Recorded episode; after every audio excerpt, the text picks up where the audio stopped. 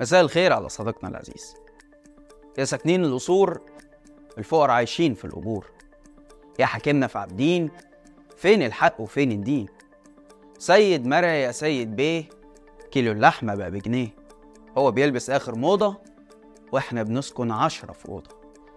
دي كانت هتافات خرج بيها الشعب المصري في يناير سنة 1977 ضد الرئيس الراحل السادات وحكومته ورئيس مجلس الشعب سيد مرعي بسبب رفع الدعم وزيادة أسعار السلع الأساسية زي العيش والسكر والشاي والرز والزيت والبنزين و25 سلعة تانية تهم المواطن البسيط. والزيادات دي كانت بتتراوح بين 25 و 50% المضحك بقى إن السادات خد القرارات الاقتصادية الصعبة دي ساعتها استجابة لضغوطات صندوق النقد الدولي اللي طالب بتقليص الدعم الحكومي للسلع الأساسية.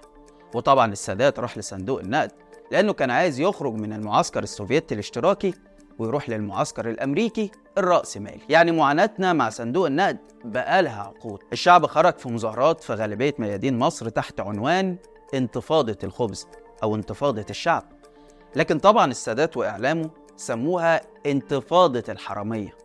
وحصلت دعوات لإضراب شامل قادته النقابات العمالية والأمن المركزي اشتبك مع المتظاهرين وليلة كبيرة جدا. عشان بعدها يرضخ السادات للغضب الشعبي ويتراجع عن قراراته الاقتصادية ويرجع كل حاجة لأسعارها القديمة. ليه بقى؟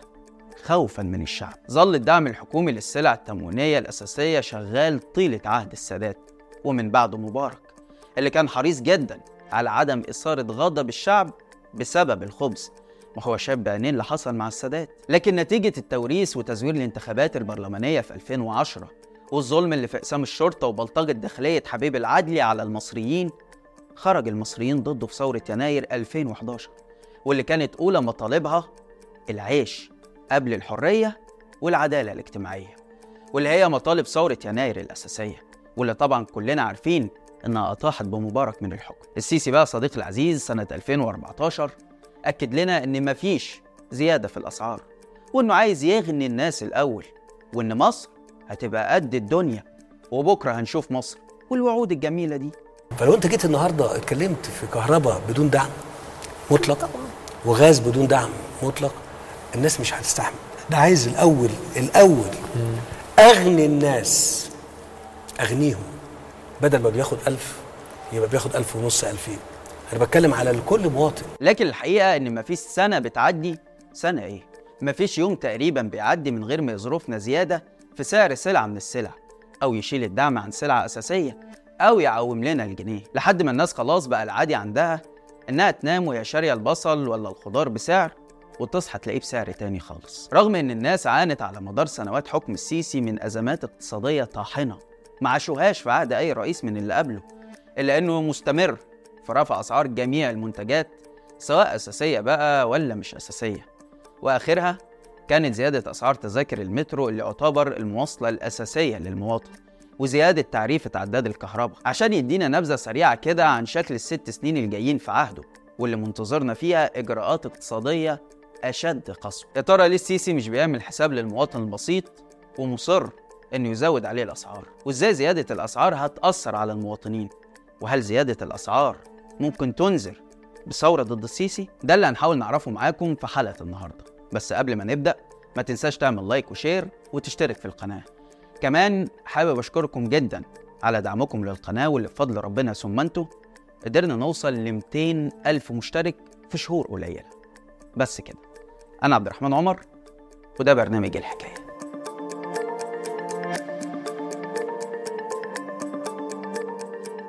نقول له أنا هزود عليك التذكرة جنيه يقول لك أنا غلبان مش قادر. صحيح. وأنا كمان غلبان مش قادر. يقول لك أنا مش قادر. طب ما أنا كمان غلبان مش قادر. أعمل لك سكة حديد. آمنة. ونبني بلدنا ونطلع قدام. ولا هنفضل في مكاننا كده خايفين من بعض. أهلا بيكم. دي كانت تصريحات السيسي في 2017 لما اتكلم عن زيادة أسعار تذاكر المترو. اللي شايف إن مفيش حاجة يعني لما نزود سعر التذكرة جنيه كمان. ما لو أنت غلبان ومش قادر السيسي كمان غلبان ومش قادر. ما الجنيه الزيادة ده مش هيفرق معاك في حاجة لكن الراجل عنده مصاريف تانية كتير أصول رئاسية ومرتبات جيش وشرطة وقضاء طيب هل السيسي زودها جنيه واحد؟ يعني بقت مثلا ب 2 جنيه؟ طبعا لا السيسي صديقي من 2017 لما كانت التذكرة بجنيه لحد النهاردة سعرها زاد 15 ضعف متخيل الرقم؟ يعني الجنيه اللي كان بيركبك كل المحطات في أي وقت ولأي مكان دلوقتي لو حبيت تركب نفس المحطات دي هتدفع 15 جنيه في ظرف سبع سنين بس. إدارة مترو الأنفاق في القاهرة نشرت التعريفة الجديدة لأسعار تذاكر المترو اللي بدأ تطبيقها أول يوم في السنة الجديدة. وتفاصيل القرار بتتلخص في وجود أربع فئات لتذاكر المترو. الفئة الأولى مخصص ليها تسع محطات بس ودي سعرها زاد من 5 جنيه ل 6 جنيه. والفئة التانية عدد محطاتها 16 وسعر التذكرة زاد فيها من 7 ل 8 جنيه. الفئة التالتة مخصصة لحد 23 محطة ودي سعرها زاد من 10 ل 12 جنيه. أما الفئة الأخيرة اللي هي أكتر من 23 محطة فدي تعتبر تذكرة جديدة وسعرها وصل ل 15 جنيه. يعني لك أن تتخيل يا صديقي أن المواطن البسيط اللي كان بيصرف في 2017 40 ولا 50 جنيه بالكتير على مواصلاته في الشهر. دلوقتي نفس الرقم ده يا دوب يصرفه في يوم واحد. وطبعا ده لو بيستخدم المترو بس. طيب ده المترو بس. نيجي بقى لأسعار بقية المواصلات هتلاقي إنها كلها غليت ولسه هتغلى بعد ما السيسي يرفع الدعم عن البنزين استجابة لشروط صندوق النقد الدولي. فبالتالي هترتفع أجرة المواصلات العادية زي الميكروباصات والأتوبيسات ويا ريتها على كده وبس. لأنه هيترتب عليها زيادة كل أسعار السلع بشكل إجباري لأنها بتعتمد على النقل عشان توصل لنا. ولو أنت ربنا كرمك بقى ومش بتركب مواصلات وفكرت تشتري عربية فالسيسي برضه مش هيسيبك. بعد ما زود رسوم تسجيل ونقل ملكية السيارات بشكل مبالغ فيه يعني لو بترخص عربية قديمة شوية موديل 2004 مثلا وكنت بتدفع 350 جنيه فالزيادة الجديدة هتدفع من 1000 ل 3000 جنيه. أما بقى لو فكرت تجيب عربية موديل السنة فما تتصدمش من الرقم وأنت بتدفع لأنك ممكن تدفع 95 ألف جنيه. ده تمن الترخيص بس. أما بقى صديقي العزيز لو أنت قعدت في بيتكم وما نزلتش ومش هتركب لا مواصلات ولا غيره عشان تبعد عن الزيادات خالص فالسيسي برضه مش هيسيبك. وهيجيب لك الزيادة لحد بيتك.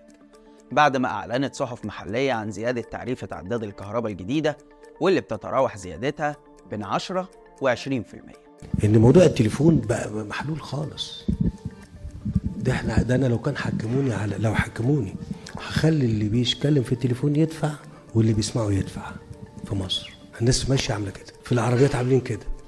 في الطابور بتاع الاستفتاء واقفين عاملين كده. آه مفيش مفيش لا لا لا. عمر البلاد ما تكبر يا ابني وتبقى ليها إرادة عمل وقتال بالطريقة دي. أبدا. لو أنا هخلي التليفون بريم أنتوا عندكم ساعات تدفعوا فلوس كده. طب ما ناخد منكم عشان نبني بلدنا بقى. بتكلم بجد 7 8 مليار كل سنة ولا أكتر؟ ساعات يقول لك 17 مليار. طب ما تخلوهم 25 والسبعة دول لل- للبلد عشان البلد تقوم. لو حكموني هخلي اللي بيتكلم يدفع واللي بيسمع يدفع. السيسي وعد فأوفى ومش بس الموبايلات. ده حتى باقات الإنترنت الأرضي. شركة المصرية للاتصالات رفعت أسعار باقات الإنترنت الأرضي اعتبارا من النهاردة 5 يناير بنسب تتراوح ما بين 29 ل 33% كمان شركات المحمول رفعت أسعار خدمات المكالمات وبيانات الإنترنت ما بين 10 ل 17% اعتبارا من الشهر الجاي بعد موافقة جهاز تنظيم الاتصالات حسب صحيفة الشرق. أنا عاوز أعرف حاجة. قرص الطعمية ده يا عم أبو محمود يا عم فتح السيسي ده قرص الطعميه ب 2 جنيه مفيش بخ- بخمسة فول ده بسبعة فول رغيف ده عيش فين العيش؟ هات العيش الرغيف ده بجنيه سبعة ونص بطاطس أفطر ب 30 جنيه ليه؟ والتلات عيال أمهم اللي في البيت دول ياكلوا إيه؟ ياكلوا طوب ولا ياكلوا زلط؟ شغالين 18 ساعة مش 12 عشان نكفيها وناكلها بالحلال. بس على الوضع ده مش هيبقى فيها حلال. زيادات ورا زيادات بتنهش في جيب المواطن المصري اللي ما بقاش عارف يلاقيها منين ولا منين. السكر ولا البصل ولا الرز ولا البيض. طبعا ناهيك عن أسعار اللحوم والفراخ اللي بقى جزء كبير من المصريين عاجزين عن توفيرها. وحتى بعيدا عن المواد الغذائية. خليني أقول لك إن سعر طن الحديد شهد ارتفاع تاريخي في نهاية سنة 2023 وسعره زاد 17 ألف جنيه خلال سنة واحدة بس وكسر ال 40 ألف جنيه للطن بعد ما كان 23 ألف جنيه في أول السنة. وخليني أقول لك بس إن الحديد متسعر في السوق بسعر الدولار ب 50 جنيه. المصريين بقوا عايشين حالة من الخوف من المستقبل بسبب الإجراءات الاقتصادية اللي بياخدها السيسي واللي المواطن هو أكتر المتضررين منها. وحالة الخوف دي عبر عنها إعلاميين السيسي نفسهم في أكتر من مناسبة. المخاوف الرئيسية موجودة في السوبر ماركت المخاوف الرئيسية موجودة في الدروس الخصوصية. المخاوف الرئيسية موجودة في قسط المدرسة. هناك مخاوف حقيقية لا يزرعها أحد وهذا الأمر بسبب الأزمة التي نعيشها. نعم سيادة الرئيس أنا سعيد جدا أن حضرتك حطيت إيدك على هذا الأمر ولكن المخاوف موجودة القلق موجود خاصة طبعا بعد القرارات اللي تم اتخاذها اليومين اللي فاتوا. طبعا كلنا عارفين إن الأزمة الاقتصادية اللي بنعيشها دي السبب فيها هو السيسي ونظامه اللي رهنوا البلد للديون واللي اتضاعفت في عهده بعد ما كان مستلم البلد وهي 43 مليار دولار عشان توصل النهارده ل 165 مليار دولار. وده الرقم الرسمي لأن خبراء كتير أكدوا إن الرقم الحقيقي أكبر من كده بكتير. بسبب فاتورة فوائد الديون المرتفعة اللي السيسي مش قادر يجاريها وبيبيع أصول البلد علشانها. إحنا وإحنا في مصر كان دراسات الجدوى لو أنا مشيت بيها كنا هنحقق فقط 20 ل 25% مما حققناه. السيسي ورطنا في الديون دي من أول ما وصل للسلطة بسبب عقليته الاقتصادية الفذة اللي بتعتمد على البركة مش على دراسات الجدوى. فالراجل قال لك أنا عشان أنهض بالبلد هعمل مشاريع عملاقة كلها تتركز حوالين الطرق والكباري والعاصمة الإدارية والقصور الرئاسية. ما هو ما ينفعش يجي حد أجنبي مثلا يزور مصر ما يلاقيش عندنا قصور رئاسية وأكبر جامع وأفخم نجف. وطبعا عشان يعمل مشاريع زي دي كان محتاج مصادر تمويل كبيرة لأنها مشاريع عملاقة وهتتكلف مليارات الدولارات. في البداية بدأ بمشروع تفريغ قناة السويس الجديدة وقال لك ده مشروع وطني وهيجمع المصريين حواليه. ونجح بإعلامه والبروباجندا في إنه يلم فلوس المصريين من البنوك بعد ما عمل شهادات قناة السويس ذات الفوائد العالية. لكن طبعا مع أول تعويم الناس اللي حطت فلوسها في الشهادات دي اكتشفت إنها خسرت. طيب الناس وما بقاش معاها فلوس. نمول المشاريع الجديدة اللي هتمسك مصر كده دي إزاي؟ الحل هو صندوق النقد الدولي. وبالفعل كل كام شهر ياخد له كام قرض كده علشان يمول المشاريع دي واللي للأسف أثبتت فشلها باعتراف السيسي نفسه بعد كده. زي محطات الكهرباء اللي السيسي باعها بأرخص من تمنها عشان يسدد القروض اللي خدها عشان يعملها. طب خدتها ليه من الأول يا جدع؟ السيسي مشي في سكة الديون واختار أسوأها كمان لما راح لصندوق النقد الدولي اللي ما بيعملش حاجة لوجه الله ولا بيديك فلوس صدقة ولا حتى استثمار لا. ده عنده أجندة اقتصادية هيفرضها عليك لازم تلتزم بيها وإلا هيخرب بيتك. هو في الحالتين الحقيقة بيخرب بيتك برضه لأنه بيديلك سمكة مش بيعلمك الصيد. بيديلك فلوس تعمل بيها المشاريع اللي أنت بتحلم بيها. عاصمة جديدة كوبري قصر زي ما أنت عايز. بس في المقابل عايزك بقى تعوم الجنيه. فالشعب يصحى من النوم يلاقي فلوسه خسرت نص قيمتها وعايزك ترفع الدعم الحكومي خالص. فتكون النتيجة إنه تلت المصريين يبقوا تحت خط الفقر. وتزيد معاناة الناس مع غلاء الأسعار المستمر. ولما يطلع حد يسأل هي الملايين اللي خدناها دي راحت فين بيكون مصيره السجن أو النفي. طيب هنا نسأل سيادة الرئيس سؤال وجودي. وسط الديون والمشاريع دي فين قطاعات زي الصحة والتعليم. مش إحنا عسكرناهم خلاص؟ وبقى المدرس لازم يعدي على البيت ظابط في الكلية الحربية ياخد الموافقة عشان يشتغل. وبرضه رغم كده هتلاقي السيسي بيستخسر يصرف عليهم. وتبص تلاقي مدرس بياخد 20 جنيه في الحصة الواحدة والدكاترة بيشيلوا شنطهم ويهجوا من البلد بسبب ضعف المرتبات وسوء الظروف اللي شغالين فيها. في المقابل هتلاقي الناس الوحيدة اللي عارفين يعيشوا في البلد دي هم ضباط الجيش الشرطة القضاة اللي السيسي معتبرهم ظهره وحمايته.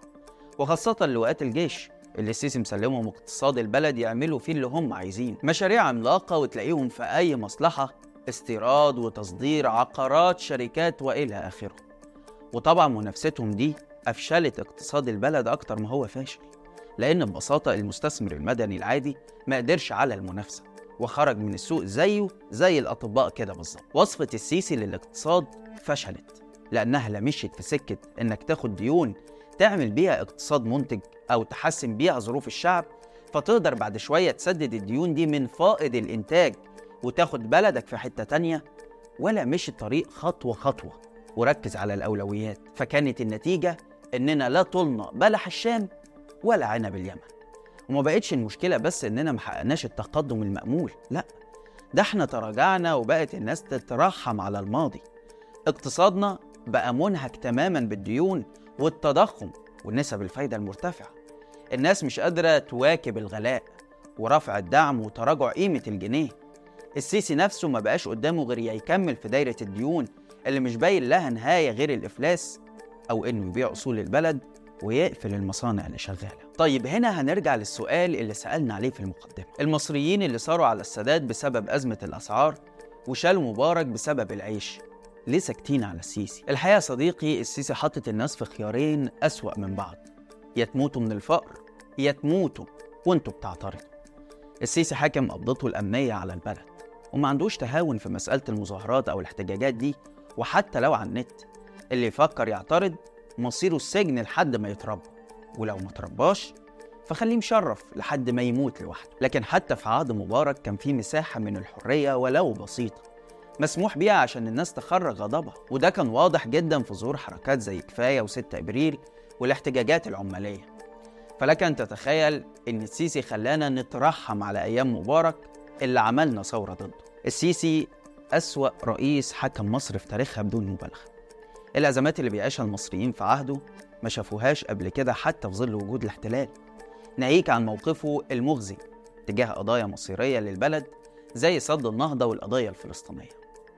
في النهاية الشعب مهما صبر وتحمل الأزمات الاقتصادية هيجي يوم ويخرج ويقول لأ ويشيل أي حد مهما كان فاكر إنه حاكم قبضته الأمنية والغرب حميه وكما قال الشاعر التونسي أبو القاسم الشابي إذا الشعب يوما أراد الحياة فلا بد أن يستجيب القدر. ولا بد لليل أن ينجلي ولا بد للقيد أن ينكسر. ومن لم يعانقه شوق الحياة تبخر في جوها واندثر. فويل لمن لم تشقه الحياة من صفعة العدم المنتصر. بس كده. لحد هنا والحلقة خلصت. شارك الحلقة لو عجبتك وتابع حساب شباك وحسابي على الانستجرام هتلاقي اللينك في الوصف. واستنانا كل يوم اتنين وجمعة الساعة 7 بالليل بتوقيت القاهرة في حلقة جديدة من برنامج إيه الحكاية. سلام.